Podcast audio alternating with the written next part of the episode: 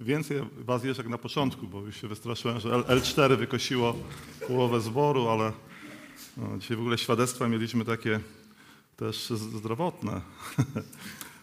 Na czasie. Ja dzisiaj będę chciał mówić o uleczeniu, także to się dobrze składa. E, wiecie co, ten fragment, który pastor czytał na początku o wyjściu Izraela z Egiptu, pokazuje nam, jak często nasza, nasza logika i nasza wiedza spotyka się z Bożymi planami. I, I, wtedy dopiero widzimy, y, jak się bardzo rozmijamy. To, co my planujemy, nasza wiedza, nasze poznawanie, to, co my chcemy w naszym życiu, a co Bóg chce do naszego życia. I tak sobie pomyślałem, jaki fragment ewangeliczny byłby taki dedykowany dla e, naszego kościoła Emaus tutaj. Jak myślicie? Fragment Ewangelii. 24 Łukasza, droga dwóch uczniów do Emaus. To podchwytliwe pytanie.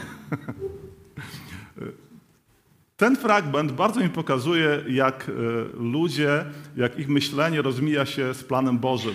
Kiedy oni tam idą, tacy zrezygnowani już, z opuszczonymi rękami, każdy wraca jakby na swoją dawną pozycję. Piotr mówi tam, ja już zostawiam to wszystko, idę łowić. Oni wracają do miejsca swojego zamieszkania, tego Emaus. Z czymś mieli plany, z czymś wiązali te plany. Te plany się nie sprawdziły.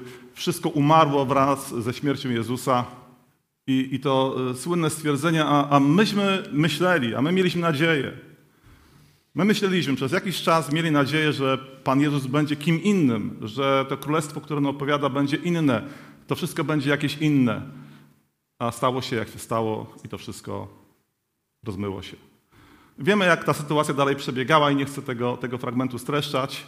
Ale czytając ten fragment, kiedy oni mówią, a myśmy myśleli, pomyślałem sobie o takim fragmencie, który bardzo często jest cytowany jako proroctwo o śmierci Pana Jezusa, kiedy Izajasz w 53 rozdziale te słynne słowy powiedział i przeczytajmy je. Izajasz 53 rozdział, 4 i 5 werset mówi tak. Tymczasem On wziął na siebie nasze choroby, dźwigał nasze cierpienia, a my myśleliśmy, my myśleliśmy, że słusznie jest zraniony, uderzony przez Boga i umęczony lecz On został zabit, przebity za nasze przestępstwa, zgnieciony za nasze winy. Spadła na Niego kara w imię naszego pokoju, a Jego ranami zostaliśmy uleczeni. I właśnie dzisiaj chciałbym mówić troszeczkę o naszym uleczeniu, ale wiecie, nie uleczeniu o tyle, ile z chorób takich cielesnych. Pan Jezus leczy choroby. Leczył choroby będąc na ziemi, leczył je kiedyś, leczy je dzisiaj, chwała za to Bogu. Składamy z tego świadectwa, ale mi chodzi o troszkę szerszy temat, bo ja myślę, że Izajasz w tym proroctwie, kiedy prorokował, miał na myśli uleczenie ludzkości z tej choroby grzechu. Przede wszystkim, przede wszystkim. Pomijając choroby naszych ciał, które są z Bożej łaski leczone przez Jezusa Chrystusa, tutaj chodzi o szerszy kontekst i chodzi głównie o uleczenie relacji z Bogiem. Pan Bóg marzył o tym, Pan Bóg tęsknił o tym, aby uleczyć ludzkość, aby ludzkość wróciła do tego stanu, który On zaplanował na samym początku. Gdzie On chciał, żebyśmy my byli bliskości z Nim, bliskości z Jego, z Jego obecnością. Żeby człowiek stanął na miejscu swojego powołania, swojego autorytetu, do którego był stworzony i w którym Bóg go zaplanował postawić. On chciał. I tak mówi prorok: spadła na niego kara w imię naszego pokoju, abyśmy dzisiaj mieli pokój. I kiedy pomyślimy sobie, że Pan Jezus, kiedy miał się narodzić, aniołowie obwieszczali chwała na wysokościach, a pokój na ziemi, to coś nam się nie zgadza, bo pokoju na ziemi od tych dwóch tysięcy lat nie ma. Praktycznie w każdym miejscu świata, gdzie się toczy jakaś wojna. Blisko nas jest wojna. Nawet w naszym społeczeństwie są jakieś niepokoje. Pokoju nie ma na ziemi. A aniołowie obwieścili pokój w ludziach, w których On ma upodobanie. I teraz pytanie, czy my jesteśmy takimi ludźmi? Czy my wróciliśmy do tego stanu, w jakim Bóg by chciał nas zobaczyć, właśnie, żeby nastąpiło to, to uwolnienie, to uzdrowienie? Czy staniemy, czy stajemy w miejscu tego Bożego autorytetu? Bo my często, mówiąc o tych, o tych chorobach, często mylimy symptomy ze źródłem tego problemu. Pastor Dawid w niedzielę taki ciekawy przykład y, powiedział i jeżeli uważnie słuchaliśmy, mi on się tak y, bardzo y, zarzucił w pamięć o tym kamieniu w bucie. No, gdybyśmy tak nielogicznie postępowali ten kamień w by, by nas uwierał i byśmy wyciągali nogę, smarowali ją maściami, leczyli ją, zdejmowali odciski, znowu wkładali tego buta, byśmy powiedzieli, jakoś nieracjonalnie postępujesz. Bo tam dalej ten kamień jest. Ty leczysz tylko symptomy, a tam jest gdzieś powód tego wszystkiego. Tak szerzej patrząc na to, to ja bym to opisał, jakbyśmy wybudowali sobie piękny dom i w tym domu y, urządzili piękny salon, zrobili ładną podłogę, wnieśli piękne meble. Y, byśmy tam mieszkali jakiś czas, ale w naszym dachu byłaby dziura. W naszym dachu byłaby dziura i nagle zacząłby padać deszcz. Wszystko by zalało. Te piękne meble, piękną podłogę, wszystko by zniszczyło. Byśmy zabrali się za robienie porządku, wynieślibyśmy wszystko, zrobiliśmy remont, wymieniliśmy podłogę, nowe meble i byśmy znowu mieszkali do następnego zdarzenia, do następnej burzy. I znowu nam zalało mieszkanie. Ktoś z boku patrząc na to by powiedział, człowieku, co ty robisz? Najpierw załataj swój dach, bo marnujesz swój czas i swoją pracę.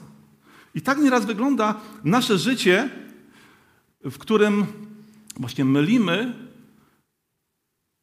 to, co Bóg by chciał zrobić w naszym życiu, a my robimy po swojemu. Nasza logika spotyka się z Bożym planem. My chcemy robić tak, jak nam dyktuje nasza wiedza, tak nam dyktuje nasze poznanie. A Bóg chciałby, żebyśmy wrócili do miejsca Jego autorytetu, do tego miejsca, gdzie Bóg chciałby, żebyśmy stanęli w tym autorytecie Bożego poznania. I żeby to zrozumieć, wydaje mi się, że należy wrócić do samego początku stworzenia. Bo na samym początku stworzenia mamy pokazane, co poszło nie tak, co zostało zepsute, co w tej relacji zostało zagubione. Co stało się, że nasza relacja z Bogiem wymagała uzdrowienia i była tak chora przez grzech. Dlatego chciałbym, abyśmy wrócili do tego, niedawno o tym y, Zbyszek Trzyński tutaj mówił, ale chciałbym przeczytać i to po swojemu tak powiedzieć, z Księgi Rodzaju, z drugiego rozdziału, żebyśmy przeczytali o tym samym początku, co się tam stało, co się naprawdę wydarzyło i dlaczego to jest tak ważne dla nas, żebyśmy szukając uzdrowienia, zobaczyli przyczynę tego. Bo żeby być uzdrowiony, trzeba zobaczyć przyczynę, skąd się wzięła ta choroba. Pan Bóg, kiedy stworzył człowieka, uczynił pewną strukturę. Był Pan Bóg, później był człowiek, Adam, Ewa i wszystko pod nim było podległe. Człowiek tylko odpowiadał przed Bogiem, a wszystko pod spodem, wszystko, całe stworzenie należało tylko do człowieka już, do jego władzy. Pan Bóg kazał rządzić tym wszystkim, zarządzać, być zarządcą, być jakby y, tą mądrością Bożą w stosunku do całego stworzenia Bożego. Także taka była struktura. I w tym człowiek świetnie się mógł odnaleźć, w tym człowiek mógł świetnie żyć i świetnie się realizować. Ale wtedy pojawia się właśnie pierwsze przekazanie. Pierwsze przekazanie. I dlaczego ono się pojawiło? Mnie zawsze to zastanawiało. Przeczytajmy drugi rozdział y, Księgi Rodzaju, 15-16 werset. Pan Bóg wziął człowieka i osadził go w ogrodzie Eden, tak aby człowiek uprawiał go i doglądał, a Pan Bóg przykazał też człowiekowi: Z każdego drzewa tego ogrodu możesz jeść do woli, ale drzewa poznania dobra i zła spożywać nie wolno, bo gdy tylko z niego zjesz, na pewno umrzesz. I słuchajcie, wam powiem tak zupełnie szczerze. Ja dorastałem w kościele od dziecka i zawsze, kiedy to czytałem, coś mi tu nie grało. To powiem wam zupełnie szczerze. Y, dla mnie to wyglądało tak. Panie Boże, jesteś tak wspaniałym inżynierem, inteligentnym, który stworzył tak piękny świat. Dlaczego stworzyłeś coś, czego później nie wolno było dotykać? Wystarczyło tego nie stwarzać. No po co Pan Bóg stworzył coś, czego później zabronił dotykać? Mógł tego nie stworzyć. Mi to nie, mi to nie grało jako dziecku. Nie wiem, czy mieliście takie, takie nieraz yy, skojarzenia. Dlaczego Pan Bóg zachowuje się w ten sposób, że stawia na środku ogrodu yy, łapkę na myszy i czeka, kiedy ta mysz się złapie, włącza stoper i kiedy ta mysz się w końcu złapie? Kiedy się skuszą? Ile wytrzymają dni? No i w końcu się złapali. Dlaczego? Dlaczego umieścił tam to drzewo? Kluczem do tego jest nazwa tego drzewa. Nazwa tego drzewa jaka była? Drzewo wiadomości dobra i zła, czyli drzewo wiedzy. Drzewo wiedzy.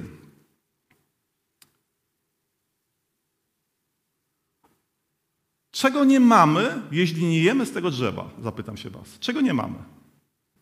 Czego nie mieli Adam z Ewą, kiedy nie zjedli tego owocu? Nie mieli wiedzy. To jest logiczne. Jeżeli nie jedli z tego owocu, nie mieli wiedzy. Jeżeli zjedli, otrzymali wiedzę. Na czym polegało pierwsze przykazanie? Jeżeli nie zjedli bez tego owocu, nie mieliby wiedzy i jak oni by się odnajdowali w tym zarządzaniu całym światem, kiedy by nie mieli wiedzy? Po tą wiedzę gdzie mieli się udać? Do Boga. Żeby mieć wiedzę do zarządzania tak wielkim światem, tak wielkim stworzeniem, musieli się za każdym razem udać do Boga. Czyli to było przykazanie bliskości i zależności od Boga. Pan Bóg pokazał człowiekowi dwie drogi. Możesz być blisko mnie i możesz mnie kochać, nie musisz mnie kochać, tylko to jest Twój własny wybór. Możesz mnie kochać, możesz być blisko mnie, być w bardzo bliskiej zależności ze mną, jeżeli nie zjesz tego owocu. Albo możesz wybrać drugą drogę, samemu założyć sobie na głowę koronę, być panem samego siebie i zdobyć tą wiedzę. Dwie zupełnie różne drogi. Pan Bóg chciał, żebyśmy Go kochali, żebyśmy Go potrzebowali i żebyśmy tęsknili za bliskością z Nim. I On chciał tego. Chciał tego bardzo, bardzo, bardzo. On kochał, kiedy człowiek był blisko Niego, kiedy człowiek z Nim konsultował się, kiedy z Nim rozmawiał, kiedy blisko Niego chodził. My nie wiem, jak długo to trwało. I nie chcę tu omawiać, bo to wielokrotnie od szkółki niedzielnej, wielokrotnie jest powtarzane, jak do tego doszło. Nie chcę poruszać węża, szatana i tego wszystkiego. Stało się. Stało się, człowiek wybrał drugą drogę. I kiedy zostało złamane pierwsze przykazanie w raju, dzieje się coś ciekawego, bo Pan Bóg zadaje pierwsze pytanie człowiekowi, które zapisane jest w Biblii. Jakie było pierwsze pytanie, które Pan Bóg zadał człowiekowi? Adamie, gdzie jesteś? Adamie, gdzie jesteś? Pierwsze pytanie, które Pan Bóg kieruje do człowieka. Adamie, gdzie jesteś? I tu kolejny raz wydaje mi się to nielogiczne, bo Bóg, który stworzył wszystko, Bóg, który wie wszystko, zadaje pytanie. Po co on zadaje pytanie, kiedy Bóg wie wszystko? Kiedy Bóg znał doskonale odpowiedź, gdzie on jest. Czy on zadał to pytanie, żeby go szukać, bo on się schował? To pytanie jest pytaniem retorycznym. To pytanie to jest pytanie, pytanie ojca, którego serce krwawi, który jest zdruzgotany tym, co jego stworzenie zrobiło, i on woła Adamie. Adam, inaczej jest po hebrajsku, znaczy człowiek. Człowieku, gdzie jesteś? Gdzie teraz jesteś? To jest krzyk rozpaczy. To jest stwierdzenie w formie pytania. Adamie, gdzie jesteś? Chciałbym, chciałem być z Tobą blisko. Chciałem być dla Ciebie ojcem. Chciałem być dla Ciebie źródłem poznania. Chciałem być dla Ciebie źródłem radości, bliskości, intymnej relacji. Chciałem tym być. A teraz, gdzie jesteś? Gdzie się znalazłeś? Co zrobiłeś? Jakiego wyboru dokonałeś? Adamie, gdzie jesteś? Adam odpowiada: Schowałem się, bo jestem nagi. Schowałem się, bo jestem nagi. Kto ci powiedział, że jesteś nagi? Kto ci powiedział, że jesteś bezbronny teraz, że jesteś odarty z godności? Kto ci powiedział, że jesteś niedoskonały, że jesteś słaby, że jesteś zbrukany, że jesteś brudny grzechem, że jesteś chory teraz? Kto ci o tym powiedział? Ja tak czytam te pytania, które Bóg zadaje, Bóg zna na to odpowiedź. Tylko to są pytania, wiecie, które przez całą historię ludzkości one przybrzmiewają codziennie teraz. Człowieku, gdzie jesteś? Człowieku, gdzie się znalazłeś? Gdzie się znalazłeś bez Boga, gdzie się znalazłeś beze mnie, gdzie się znalazłeś z własnego wyboru? Chciałem być dla Ciebie źródłem wiedzy. Chciałem być dla Ciebie źródłem poznania. Chciałbym, żebyś ze mną zawsze konsultował, żebyś był blisko mnie, ale wybrałeś swoją mądrość. A tak naprawdę Wiemy to z historii biblijnej, że cała struktura się zmieniła. Bóg był człowiek i całe podległe stworzenie. I od tego momentu stworzenie się zmieniło. Wiemy tam w liście do Efezu napisane, że te stworzenie wzdycha aż dotąd teraz. Czekając na tą, na, to, na tą przemianę. Bo to wszystko zostało poddane szatanowi. Zwiódł człowieka i ta struktura się zmieniła. Została zerwana więź z Bogiem. Został człowiek, ziemia i szatan. Pan Bóg wypędza człowieka z ogrodu Eden i, i wiemy, że człowiek został wypędzony gdzie? Na wschód od Edenu. Jest taka książka na wschód od Edenu. Nigdy nie czytałem tej książki. Jest film nawet, nie wiem, ponoć dobry, ale... Ale na wschód od Edenu symbolizuje nam oddalanie się od Boga. Człowiek został wypędzony na wschód od Edenu, później Kain zabił Abla, napisane jest, został wypędzony na wschód znowu. I cały czas czytamy na wschód. Ludzie odchodzili na wschód. Taka symbolika. Bo kiedy później został wybudowany, wybudowana świątynia, to jest ciekawe, symptomatyczne, że wejście było z której strony? Ze wschodu na zachód. Powrót do Boga jest. Ze wschodu na zachód. Nam to się w Polsce kojarzy też fajnie, bo na zachód my zawsze ciągnęliśmy, no nie? Także mamy też odniesienie. Ale Pan Bóg zawsze chciał, żeby człowiek do niego wrócił, a człowiek się do niego oddalał. Człowiek zepsuł tą relację. I Pan Bóg przez człowieka chciał tą relację na nowo odbudować. I wiem, jak to wychodziło.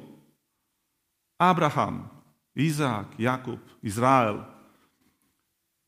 Te wszystkie historie byśmy mogli przejść cały Stary Testament i można powiedzieć dwa kroki, trzy kroki do, dwa kroki do przodu, trzy kroki do tyłu. Te wszystkie historie, które się nieraz dobrze zaczynały, kończyły się później źle znowu. Cały czas była ta pogoń za złymi rzeczami, a Bóg wołał: Adamie, gdzie jesteś? Bóg wołał: wróć do mnie. Dawał kolejne szanse, kolejne szanse, kolejnych ludzi, kolejne posłannictwa, które miały człowieka skłonić, żeby przybliżył się człowiek do Boga, a człowiek zamiast się do niego przybliżać, to się oddalał. Izrael jako naród miał być narodem, który miał być zbawieniem dla świata, miał być czymś szczególnym dla świata. Okazało się to, że byli kolejną pomyłką. Okazali się kolejną pomyłką w tym wszystkim. I kiedy dotykamy tego proroctwa Izajasza, nieraz Czuję, że ludzie czytając te słowa y, wydobywają to, co my chcemy, byśmy chcieli, żeby Pan Bóg nas uzdrawiał z naszych schorzeń. Ja wiem, ja też mam choroby i też bym chciał i Bóg to w swoim miłosierdziu robi, ale głęboko wierzę, że tu chodzi o coś głębszego, coś innego. Bo kiedy otworzymy Księgę Izajasza i przeczytamy y, pierwszy rozdział Izajasza, ja nie będę czytał y, całego, ale tylko piąty i szósty werset. Mówi tak: Cała głowa choruje, całe serce omdlałe, od stopy po głowę nic na nim zdrowego. Guzy, sińce, świeże rany nieopatrzone, nieprzewiązane ani niezmiękczone oliwą. Czy on opisuje, że w Izraelu jak się szło po ulicach, to ludzie chodzili z jakimiś bandankami na głowach, owiązani, owrzodzeni wszyscy? Nie. To był ich stan duchowy. Izrael był tak głęboko skorumpowany, tak głęboko grzeszny, że Bóg opisuje przez proroka jego stan, wiecie, że nie było na co patrzeć. Wrzody, rany, sińce, wszystko to, tam w tym rozdziale pisze, że y, zna y, wół, żłób swojego Pana, Izrael nie zna. Izrael odchodzi. Tak daleko odeszli od poznania Boga. I później właśnie w 53 rozdziale pojawia się plan, pojawia się zapowiedź, że będzie odwrócenie tego wszystkiego, że będzie uzdrowienie tego wszystkiego. Nie tak jak my, ludzie myśleliśmy, nie tak jak myśmy zaplanowali sobie, tylko Bóg miał swój cudowny sposób. I to, co przez człowieka zostało zepsute, przez człowieka musiało być odbudowane. Ale pojawiło się w tak cudowny sposób, że przyszedł w pełni człowiek i w pełni Bóg. W pełni człowiek y, osoby Matki Marii i w pełni Bóg bo odziedziczył bezgrzeszną naturę, był poczęty z Ducha Świętego. Mnie to bardzo pociesza, że Pan Bóg, odwracając tą chorobę, tą śmiertelną chorobę od Adama, posyła nowego Adama, który to wszystko zwycięża, który to wszystko pokonuje, który to wszystko przezwycięża, w tak cudowny sposób i widzimy, że szatan też miał dla niego plan. Bardzo podobnie jak dla Adama. Mówi, czy nie napisane jest? Nic ci się nie stanie. Tak dla Adama mówi, nic wam nie będzie. Nic ci się nie stanie. Napisane jest przecież. To wszystko jest moje, mogę ci dać. Ta cała władza, to wszystko zostało poddane mi. I mówi prawdę. Bo on jest księciem ciemności. On jest książę tego świata, jak mówi apostoł Paweł. Mogę ci to dać. Pan Jezus wtedy po raz pierwszy zwyciężył. Nastąpiło odstąpienie szatana na jakiś czas od niego. Powiedział: idź ode mnie precz. Był bezgrzeszny w swojej naturze i w swoim planie. I dzieje się coś cudownego, coś niesamowitego w postaci Jezusa. Było w nim coś tak potężnego, czego przez cały Stary Testament nie obserwowaliśmy. Bo w całym Starym Testamencie, jeżeli spotkało się coś chorego, coś brudnego, nieczystego z czystym, co zawsze zwyciężało? Co zwyciężało w konfrontacji czystego i nieczystego? Nieczyste. Nieczyste. Bo jeżeli przed czysty człowiek, nieczyste się go dotknęło, czyste stawało się nieczyste. Tak było za każdym razem w Starym Testamencie. Kiedy przyszedł nowy Adam, kiedy przyszedł Syn Człowieczy, dzieje się coś takiego, że kiedy nieczyste zostaje dotknięte przez czyste, staje się czyste. Zupełnie nowa jakość. O 180 stopni jest przewrót. Wystarczyło jedno dotknięcie. To właśnie jest uleczenie. To właśnie jest to, ten nowy powiew, nowa, nowa jakość. Pan Jezus stanął i pokazał: Dotknij się mnie. Ja przyniosę Ci uwolnienie, ja przyniosę Ci uzdrowienie. Pytanie dzisiaj do każdego jednego z nas. Czy chcemy tylko wyciągnąć rękę i doznać właśnie tego uleczenia? Takiego uleczenia, jakie przyniósł Jezus. Uleczenie z ran, uleczenie z brudu, ale uleczenie przede wszystkim z grzechu. Uleczenie, żeby wejść w miejsce, które przeznaczył Bóg człowiekowi. W miejsce autorytetu, w miejsce władzy. Pan Jezus nam obiecał, że tego samego ducha, którego ja mam, dam wam. I bramy piekieł tego nie przemogą. Tego królestwa, które ja ustanawiam. Pan Jezus swoją siłą, swoją mocą pokazuje ludziom, że mogą być wolni, że mogą wejść w miejsce autorytetu, który został utracony, utracony w raju. To jest dla nas, to jest dla każdego jednego z nas. Uzdrowienie w postaci Mesjasza. Często myślimy o sobie, że jesteśmy zbyt chorzy, że jesteśmy zbyt brudni nieraz, żeby przyjść do Jezusa. Dla Niego nie ma takiego brudu, dla Niego nie ma takiej rany, nie ma takiego zranienia, które by nie mogło być uleczone. Świat Ci może powiedzieć, że jesteś zbyt brudny, że jesteś do niczego, że ma za przeproszeniem spieprzone życie. Nie nadaje się do niczego. W tym momencie świat Cię wyrzuca. Na takich ludzi czeka Jezus. I On może odbudować, i On może uzdrowić i uleczyć to wszystko. Ty możesz być dla świata naczyniem, które stłukło się i można wyrzucić na śmietnik już. Wiecie co, ja kiedyś miałem ulubiony kubek do kawy. Nie wiem, czy macie kubki do kawy, które lubicie. Kawa z takiego kubka zupełnie inaczej rano smakuje. To jest inna jakość. I ten kubek jest tłuk. Prawie płakałem za nim. Marysia wie, szukałem, jeździłem, chciałem taki sam kupić, już nie kupiłem takiego samego. Teraz mam drugi i też go lubię. Dlaczego o tym mówię? Nie wiem, y, czy słyszeliście o takiej japońskiej metodzie kintsugi? Kto słyszał? To nie będę opowiadał. Nikt nie słyszał? Nikt nie słyszał. O, dziwne. Y, pewien y, japoński szogun, głupio mówię, szogun nie są tylko japońscy, nie? Szogun to japoński. Pewien szogun miał, tak mówi legenda, miał kubek do herbaty, tak ulubiony, może bardziej ulubiony jak mój do kawy, i spadł mu i stłuk. I był do niego tak przywiązany, że mówił do tych swoich sług, ponieważ był szogunem, był bogaty, nie tak, że ja musiałem wrócić na śmietnik, a on mógł sobie pozwolić. Weźcie mi, zrekonstruujcie ten ulubiony kubek. I oni go tam jakimiś obejmami poskładali, pościskali. On to wziął, zobaczył, mówi, to nie to. Lipa. Nie spodobało mu się to. I ponowni artyści, jacyś tam e, rzemieślnicy do tego podeszli już bardziej z sercem i właśnie powstała ta sztuka kintsugi. E, klej, bardzo mocny klej, miesza się z opiłkami złota i powstają takie, takie połączenia. I te połączenia jednocześnie zdobią. Nie wiem, czy widzieliście coś takiego. Widać nieraz, sprzedaje to są drogie rzeczy nawet, jak to jest artystycznie zrobione. I ten kubek po rekonstrukcji stał się bardziej piękny i bardziej drogi niż na początku. On zyskał nową, nową jakość. I wiecie, podobnie jest z ludźmi, podobnie jest z nami. Jesteśmy zranieni nieraz. Jeżeli masz ranę, to co z nią robisz? Idziesz do lekarza. Albo, albo sam. I co lekarz pierwszy robi? Oczyszcza ją. Dezynfekuje. Bo jeżeli rany się nie oczyści, grozi ci, że wejdzie gangrena. Jeżeli nie umrzesz jutro, to za parę lat. Ale umrzesz, jeżeli będziesz żył z brudną raną. Musisz ją oczyścić. To jest, to jest podstawowy warunek, kiedy człowiek ma ranę.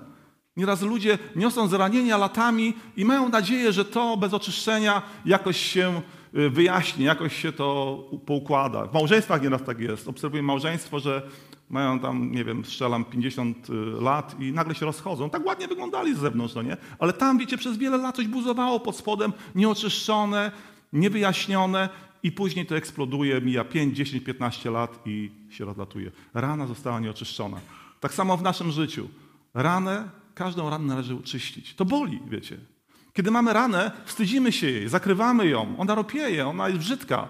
Takie rozcięcie to nie jest nic pięknego do oglądania. Ale kiedy rana już się zagoi, co powstaje? Blizna powstaje. Nie wiem jak kobieta, ale faceci, jeżeli chodzi o bliznę, to my jesteśmy takimi wieśniakami troszeczkę, chodzi o ten, o, o y, gdzieś tam przebierania jest i jeden drugiego ogląda. O, ale co, co, to, co to jest? Opowiedz mi historię o tym jeszcze, no nie? No tak jest. Co to tam masz? Bo każda blizna ma swoją historię. Każda blizna skąd się wzięła. My nieraz się chwalimy tym. No nie wiem, może ja tak dziwny jestem, wiecie. Ja pamiętam, jak byłem y, nastolatkiem, kiedyś y, mieliśmy takie, taki skrót przez y, ogródek sąsiada, przez jego obejście. Zaoszczędzało się takie dobre 200 metrów gdzieś, no nie? Można być naokoło. I ja chodziłem zazwyczaj naokoło, ale nieraz chodziłem przez sąsiada pole, ale on miał psa. On miał psa. No i któregoś razu przeskoczyłem ten płot i zamiast pójść od razu do drugiego płotu przeskoczyć, skrócić sobie drogę, to zainteresowałem się okienkiem piwnicy, nachyliłem się, y, wypiłem swoje plecy i nagle ten kundel podbiegł i zostawił mi całą szczękę właśnie na moich plecach, że tak powiem. Także dłuższy czas miałem, y, miałem bliznę, którą się nie można było chwalić. Było 1-0 dla psa. Także każda blizna ma swoją historię, każde zranienie ma swoją historię. Ale kiedy już człowiek zostaje uzdrowiony, kiedy człowiek zostaje uleczony z tego, nasze, nasze blizny powodują to, że my zyskujemy nową jakość. Coś nowego się dzieje w naszym życiu, coś lepszego. Wiecie, ja nie wiem, jak to jest e, z paniami. Nieraz widać, e, może postawny facet, taki wysoki, ale gdzieś nos ma skrzywiony, gdzieś tu szramy na, na policzku i mówią, że taki brzydki, że aż ładny. Nie wiem, co to znaczy, ale tak, ocenia, tak oceniają właśnie te, te blizny, że te blizny dodają nam nieraz uroku. Często jest tak, że w naszym życiu My chcemy błogosławieństwa. My chcemy, żeby prosimy o błogosławieństwa, prosimy o to, żeby Bóg nam błogosławił. Ale czasami największe błogosławieństwo wypływa z naszego największego bólu, z naszej największej straty. Nieraz tak jest, że właśnie to, co nas najbardziej w życiu bolało, z tego wychodzi największe błogosławieństwo. Bo co by było, gdybyśmy w naszym życiu dostawali tylko to, o co prosimy? Tylko to, co jest dla nas w danej chwili wygodne, dobre. Wiecie co, jak ja sobie wspomnę, jak ja miałem 7-8 lat i ja bym dostawał wszystko to, co było wtedy najlepsze dla mnie, najlepszym marzeniem, to naprawdę bym dalej siedział w piaskownicy i bawił się zabawkami. No tak było, bo to dla mnie było najlepsze w tamtym czasie. I bym chciał, mamo, tato, dajcie mi to cały czas. Ale niestety przychodziły rzeczy bolesne, przychodziły rzeczy trudne, przychodziły rzeczy, które wymagały wyrzeczeń, które wymagały potu, które wymagały nauki. I one mi się nie podobały w tym momencie. Ale po jakimś czasie to stawało się dla mnie błogosławieństwem. I tak jest w całym naszym życiu. Rzeczy, które nas nieraz mocno zranią, mogą stanowić dla nas coś nowego, ale wtedy, kiedy Jezus nas z tego uleczy. Kiedy zostaliśmy z tego uleczeni.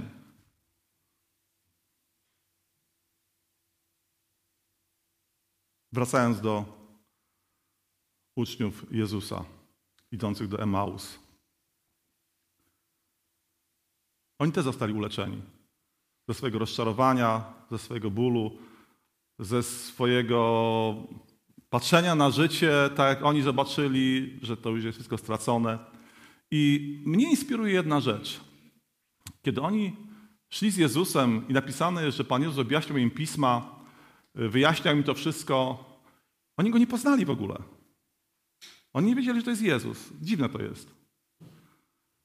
Można powiedzieć, że wiedli taką dysputę teologiczną, bardzo mądrą. Pewnie oni znali pisma, Pan Jezus znał jeszcze lepiej. Udowadniał im to wszystko. I w tym wszystkim oni nie poznali Jezusa. Kiedy poznali Jezusa? Poznali Jezusa wtedy, kiedy usiadł z nimi przy stole. Kiedy miał z nimi społeczność. Kiedy złamał chleb.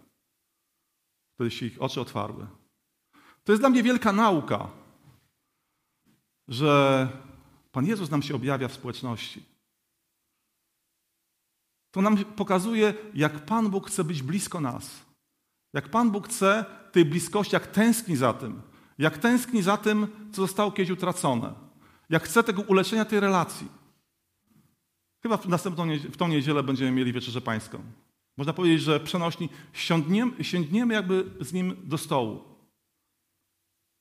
To jest ta piękna relacja, w której człowiek z Bogiem może być jak najbliżej. Tak sobie to wyobrażam. Pan Jezus jako żywy chleb wstępuje z nieba, objawia się nam i mamy z Nim bezpośrednią relację. My nieraz tęsknimy za jakimiś właśnie rozprawami teologicznymi, rozważaniem. To jest dobre. To jest wszystko bardzo dobre i potrzebne, ale Pan Bóg pragnie z nami społeczności. Pan Bóg nie chce, żebyśmy byli wyizolowani. Pan Bóg kocha właśnie to, kiedy przychodzimy do kościoła. Pan Bóg kocha to, kiedy jesteśmy, On jest głową, a my wspólnie jednym ciałem.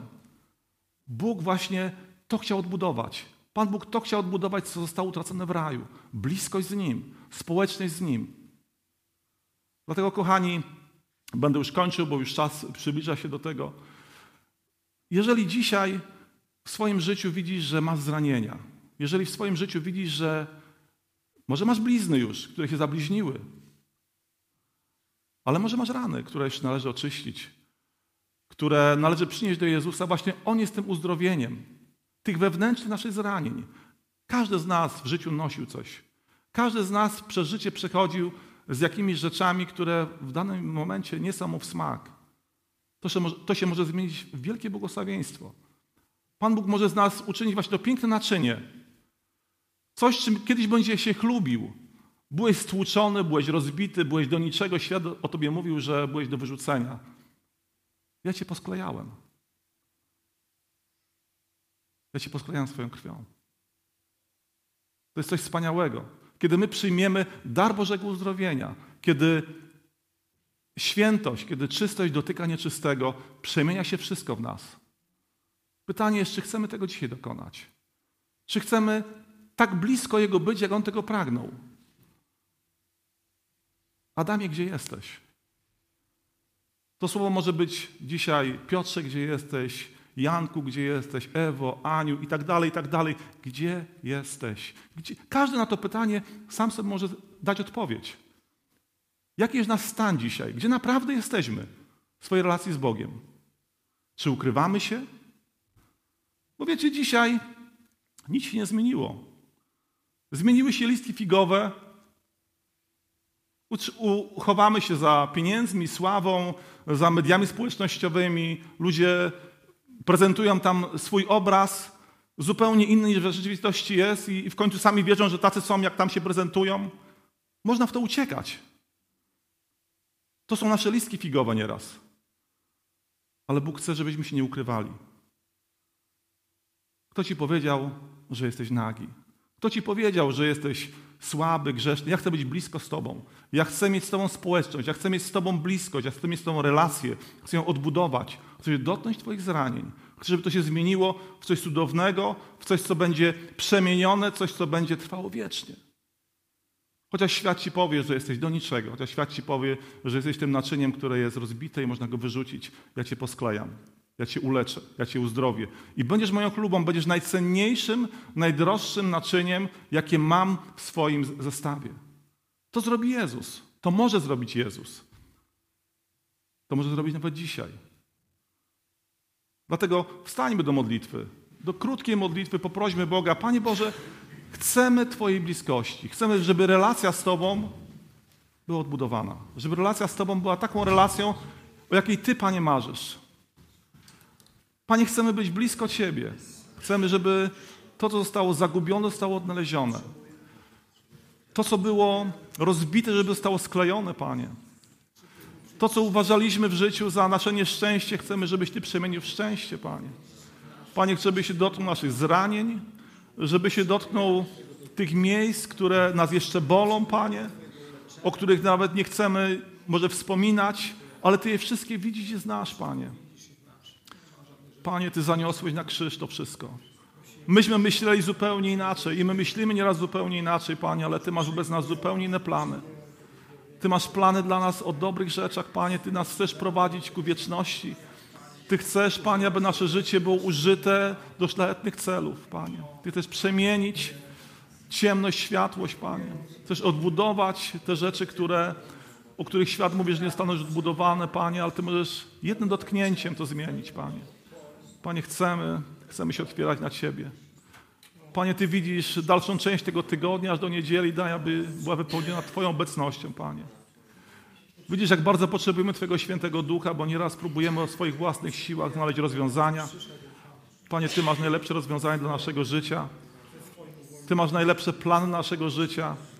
Panie, chcemy, aby Twoje marzenia były naszymi marzeniami, Panie. Marzenia o tym, żeby być blisko z Tobą, Panie. O życiu zwycięskim, o życiu, które jest wypełnione Twoją chwałą i Twoją, Twoim błogosławieństwem. O to błogosławieństwo Cię prosimy, Panie. Chociaż często my to błogosławieństwo inaczej sobie wyobrażamy, Panie, ale wierzymy, że Ty masz najlepszy plan naszego życia. Dla naszych rodzin, dla naszej pracy, dla naszych planów, dla naszych, Panie, szkół, wykształcenia naszego. To wszystko, wszystko, z czym my dzisiaj planujemy sobie na następne lata, Panie. Chcemy to zawierzyć Tobie. Chcemy, aby to wszystko było pod Twoją kontrolą. I chcemy to wszystko przynosić do Ciebie, abyś Ty był źródłem naszego poznania. Panie, bo kiedy Ty będziesz źródłem naszego poznania, nie rozczarujemy się i Ty będziesz dla nas tym, który bierze nas każdego dnia za rękę i przeprowadza nawet przez największy ogień. Panie, Ty nam dałeś szczątkę swego ducha, tego ducha, który Cię wzbudził z martwych. I wierzymy, że w tej sile możemy zwyciężać, możemy wieść zwycięskie życie, błogosławione życie, pełne Twojej łaski, pełne Twojej chwały. A Tobie za wszystko cześć, chwała, uwielbienie niech płynie. Amen.